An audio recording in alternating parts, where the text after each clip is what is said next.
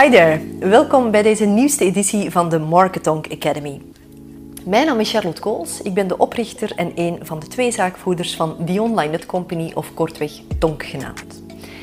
In de Marketonk Academy behandelen wij tal van topics die te maken hebben met leads, klanten en ambassadeurs. En vandaag gaan we het hebben over het financiële aspect van ondernemerschap en wel bepaald in de retail.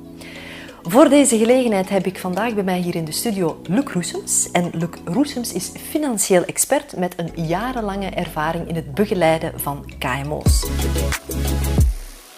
Luc, van harte welkom hier in de studio. Dank u. Luc, het financiële aspect van winkelmanagement, daarover gaan we het vandaag hebben. En dat is toch wel een topic waar dat veel retailers vandaag de dag uh, ja, tegenaan lopen, wat dat hen ook wel bezighoudt. Zeker gezien de volatiele tijden waarin dat wij uh, ja, ons vandaag bevinden. En u schreef er een tijdje geleden zelfs een pocket over, ik heb het hier bij mij, winst dichterbij dan je denkt. Een boekje is geschreven door jezelf. Er is ook een voorwoord geschreven door uh, Luc Ardis. En Luc Ardis is natuurlijk uh, bekend als directeur van de Unizo Winkelraad.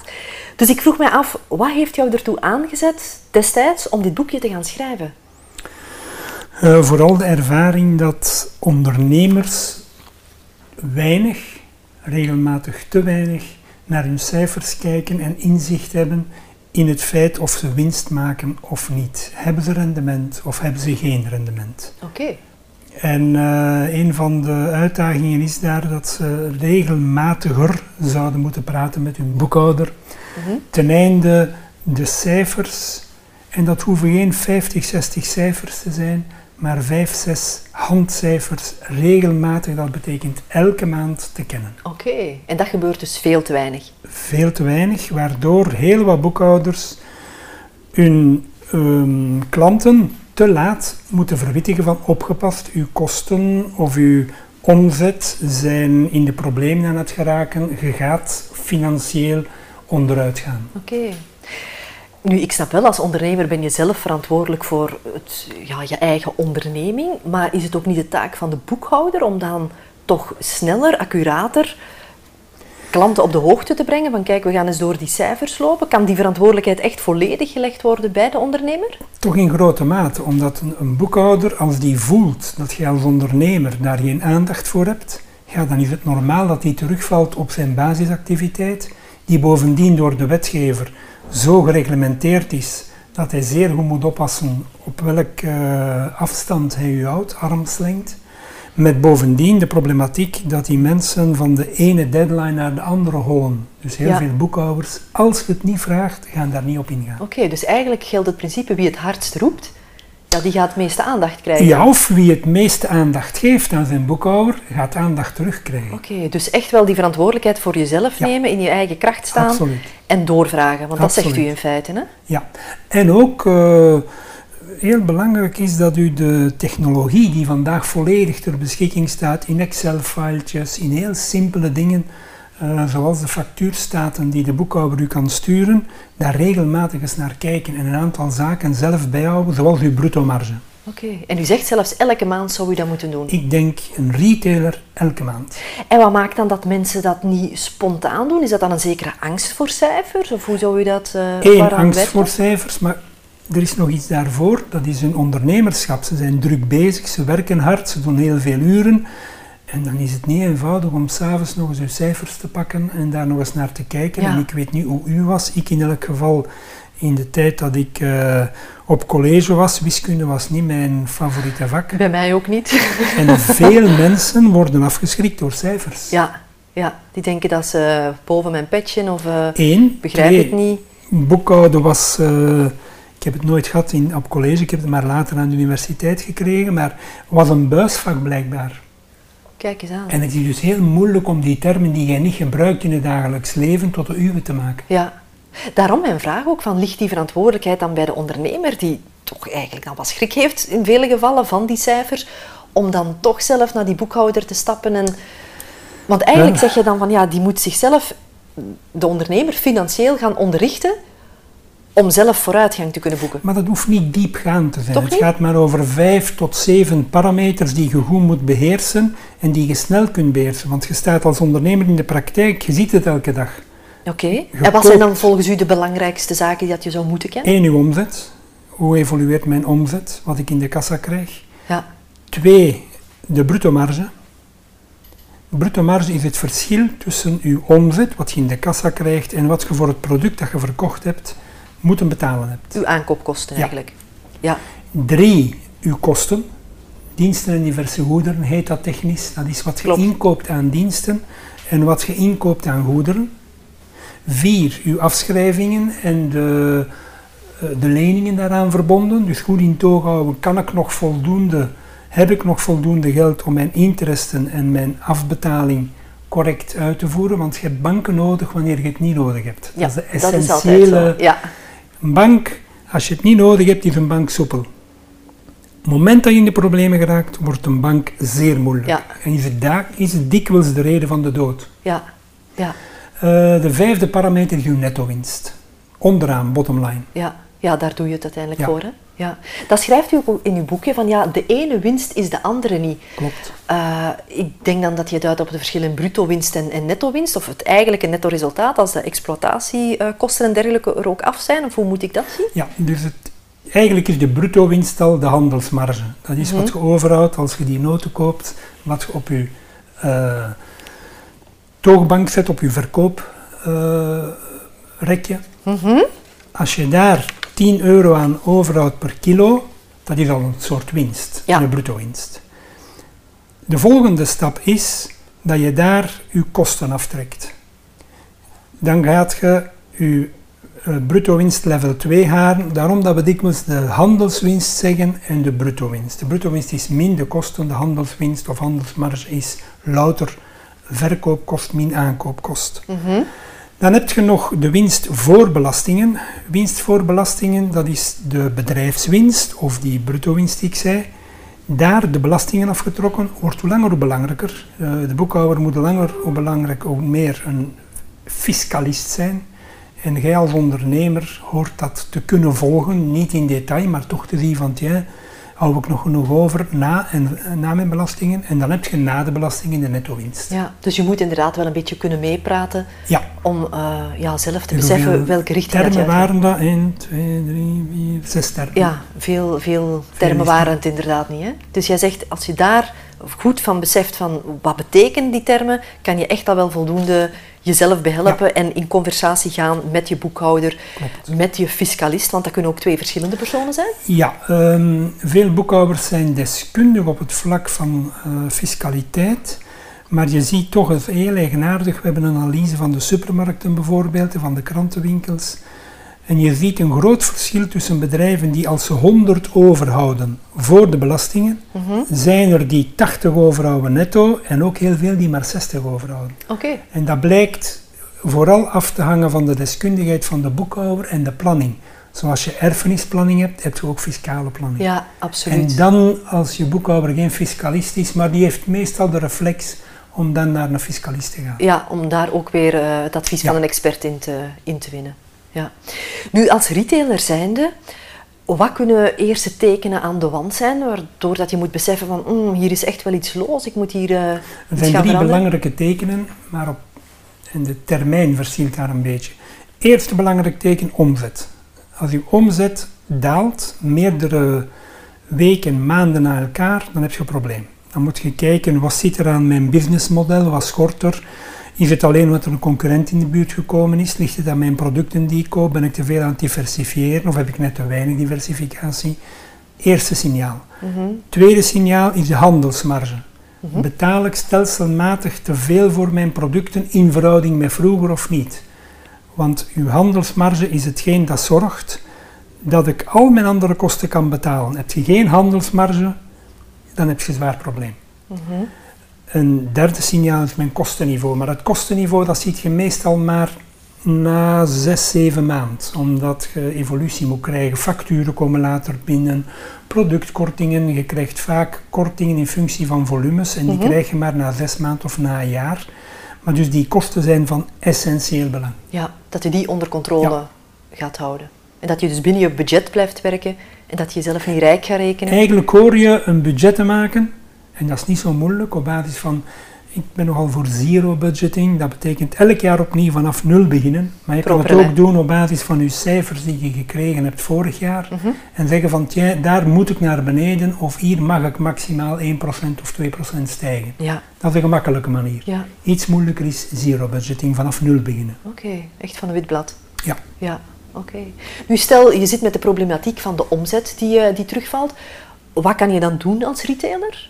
Om dat Er tijd te zijn- doen keren? Er zijn een aantal, ja, ik ga ze niet alle 30 of 40 opzommen van het Nee, boekje. ongetwijfeld niet. Maar, de takeaways dan? Eén, eerst en vooral je productschema. Een te breed productschema of een te smal productschema.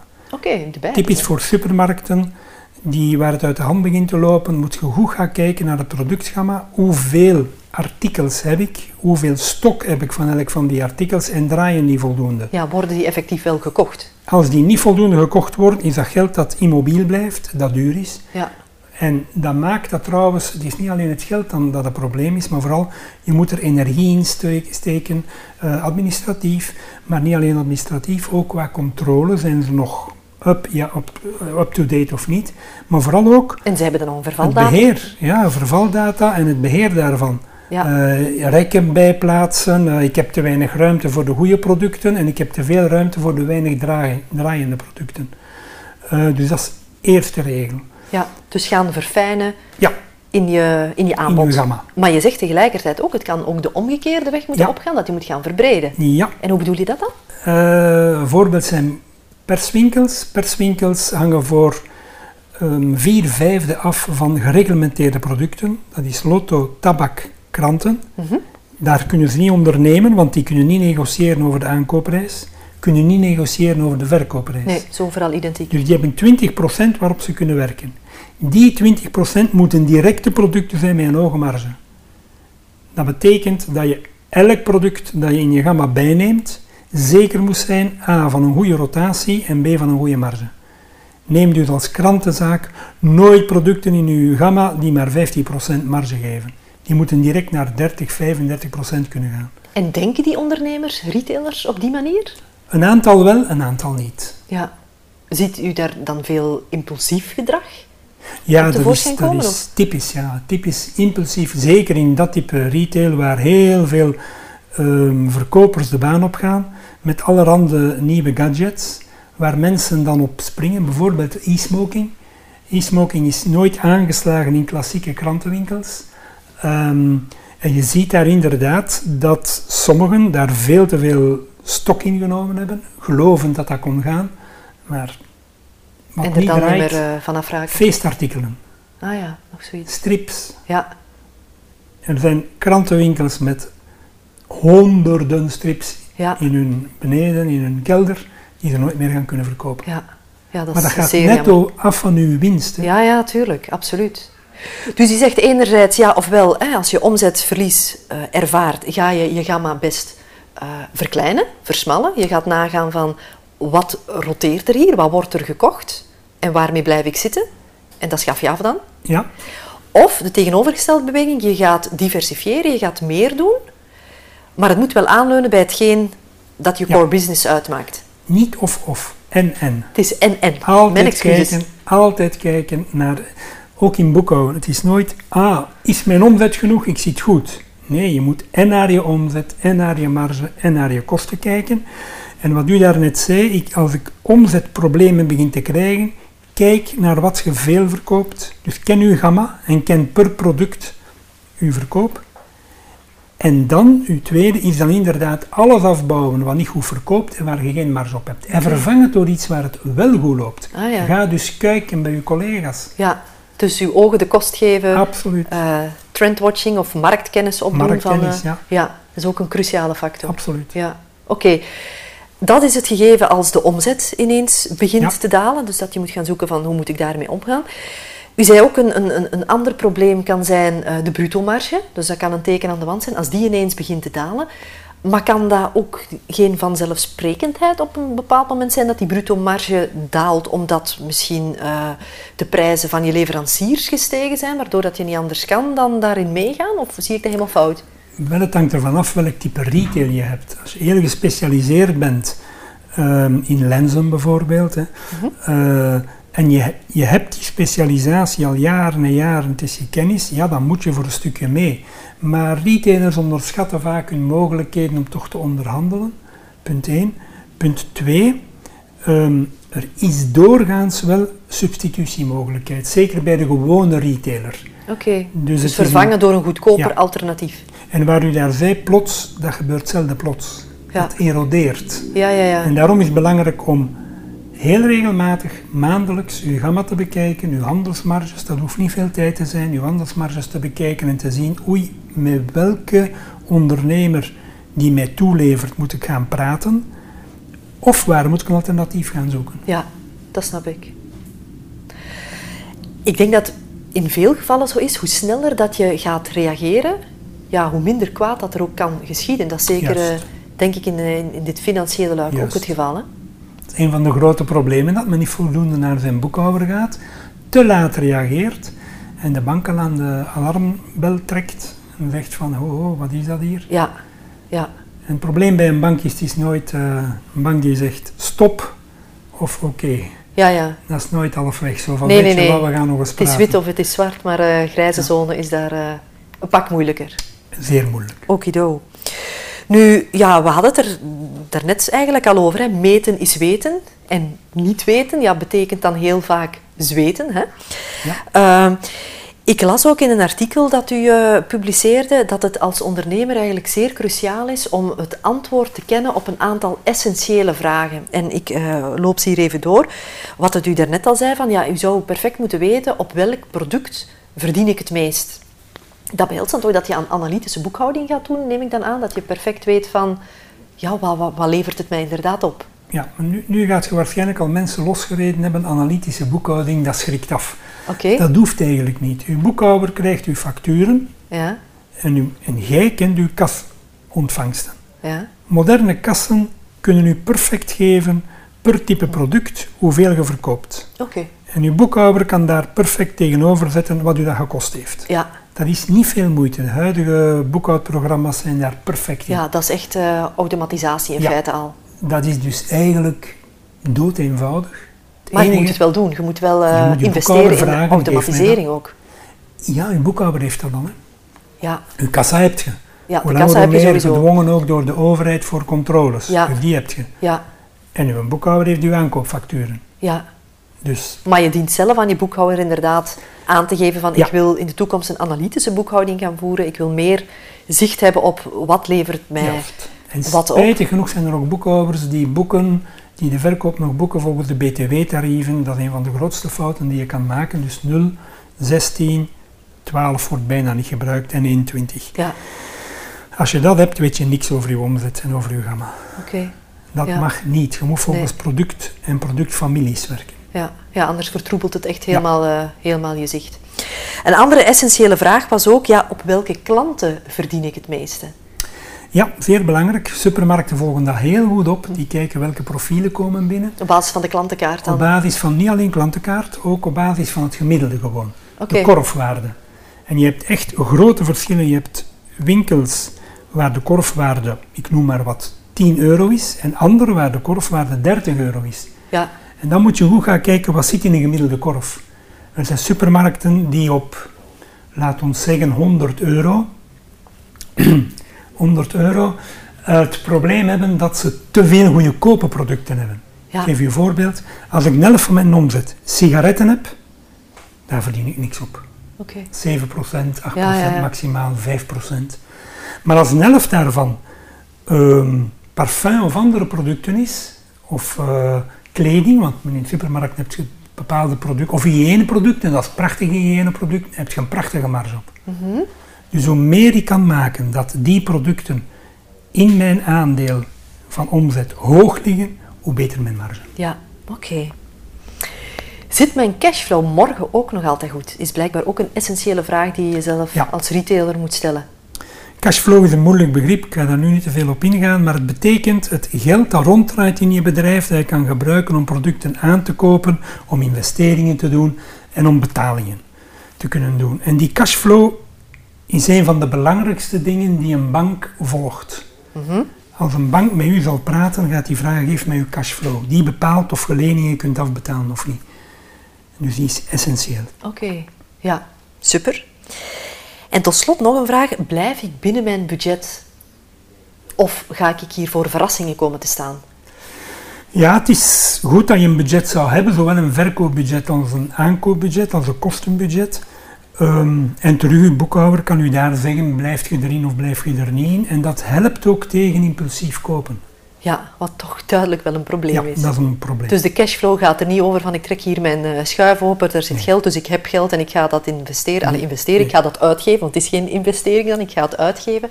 Dat is dat impulsieve gedrag waar dat u uh, op ja. doelt in feite. En leven uit de kassa gebeurt nog veel te veel. Ja, en dat is natuurlijk heel jammer, want dan kan het heel uh, snel ja, de verkeerde kant op gaan natuurlijk. Hoor.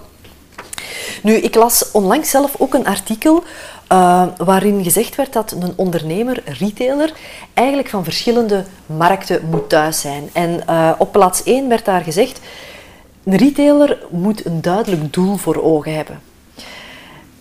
Ik merk zelf ook vanuit de business waarin dat wij zitten, dat vaak klanten niet weten welke richting dat ze uit willen ze werken heel hard hè, en ze zitten eigenlijk een beetje in een red race en ze lopen van het ene jaar in het andere en we doen maar verder en we doen maar verder, tot als er op een gegeven moment iets voorvalt en dan blijkt er geen strategie te zijn. Kan u dat ook beamen in de ervaring die dat u heeft? Ja, je hebt er die dat wel hebben, hè. dus laat ons direct uh, ere wie ere toekomt. Gelukkig zijn er ook ondernemers die goed nadenken waar ze hun winkel plaatsen, met welke producten en op welke manier ze zich gaan onderscheiden. Mm -hmm. Maar het klopt absoluut dat net door te veel en te hard te werken, men te dicht op de realiteit zit en juist die recul niet neemt om te kijken van hoe doe ik het hier. Ja, ja. En dan komt het als een donderslag bij helder Inderdaad. hemel. Je hebt, maar dat is je hebt die helikopteroverzicht helemaal niet aan. Hè? Het is zelden zo dat je plots slecht begint te draaien. Het gebeurt. Hè. Het kan zijn door eh, een concurrent die zeer sterk is, die vlak in je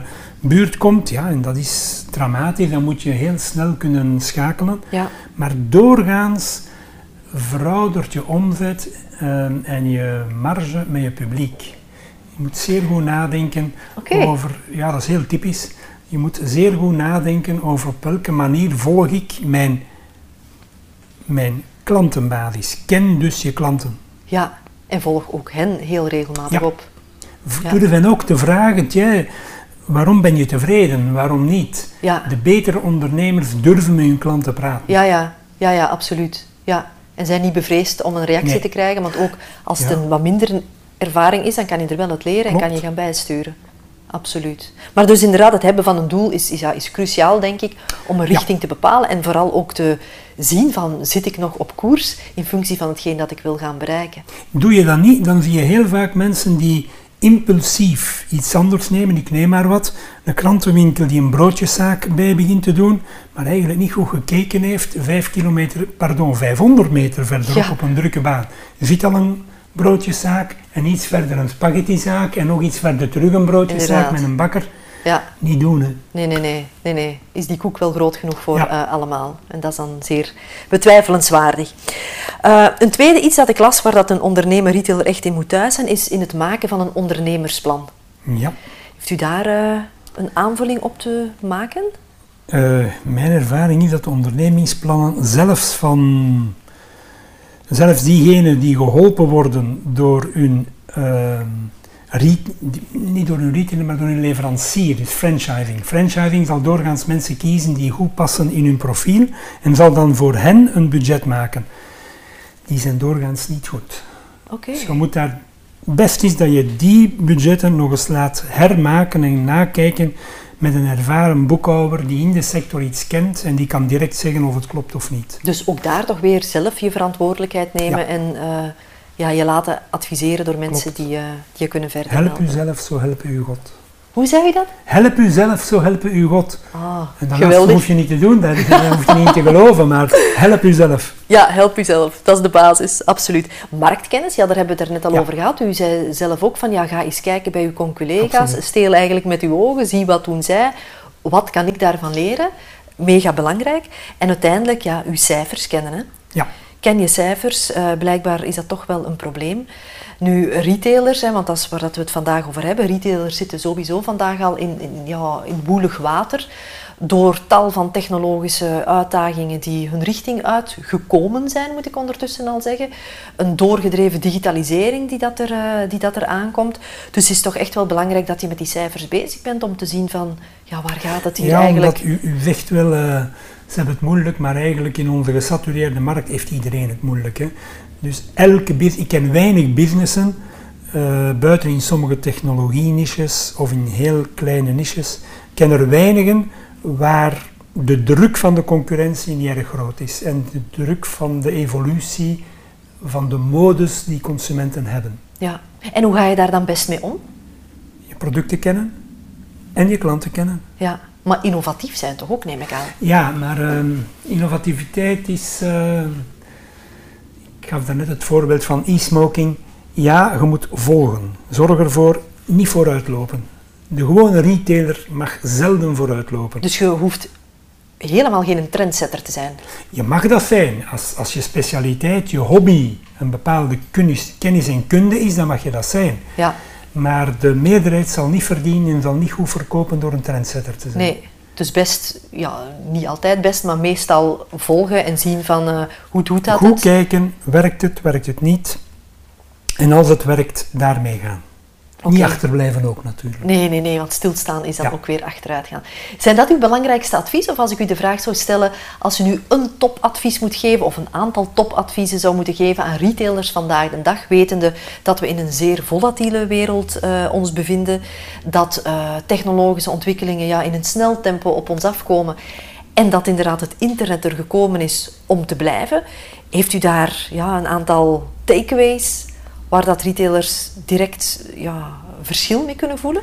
Eén, geen schrik hebben. Iedereen heeft schrik van het internet en van i en geen schrik hebben. Doe mee, Ja. maar doe dat bewust en doordacht. Twee, verzorg je klant. Drie, volg op of het verzorgen van je klant omzet geeft. Oké, ja. Of dat je inderdaad wel tijd aan het Ja. investeren bent in de juiste klanten Juist. en in de juiste producten. En in winst. En in winst, want daar doen we het uiteindelijk Ja, allemaal Veel voor. omzet zonder marge. Brengt niks, hè? Nee, nee, het is onderaan de streep dat we moeten kijken en dat verhaal moet eh, absoluut kloppen. Mega boeiend. Dankjewel, Luc, voor, eh, voor dit gesprek, zou ik zeggen.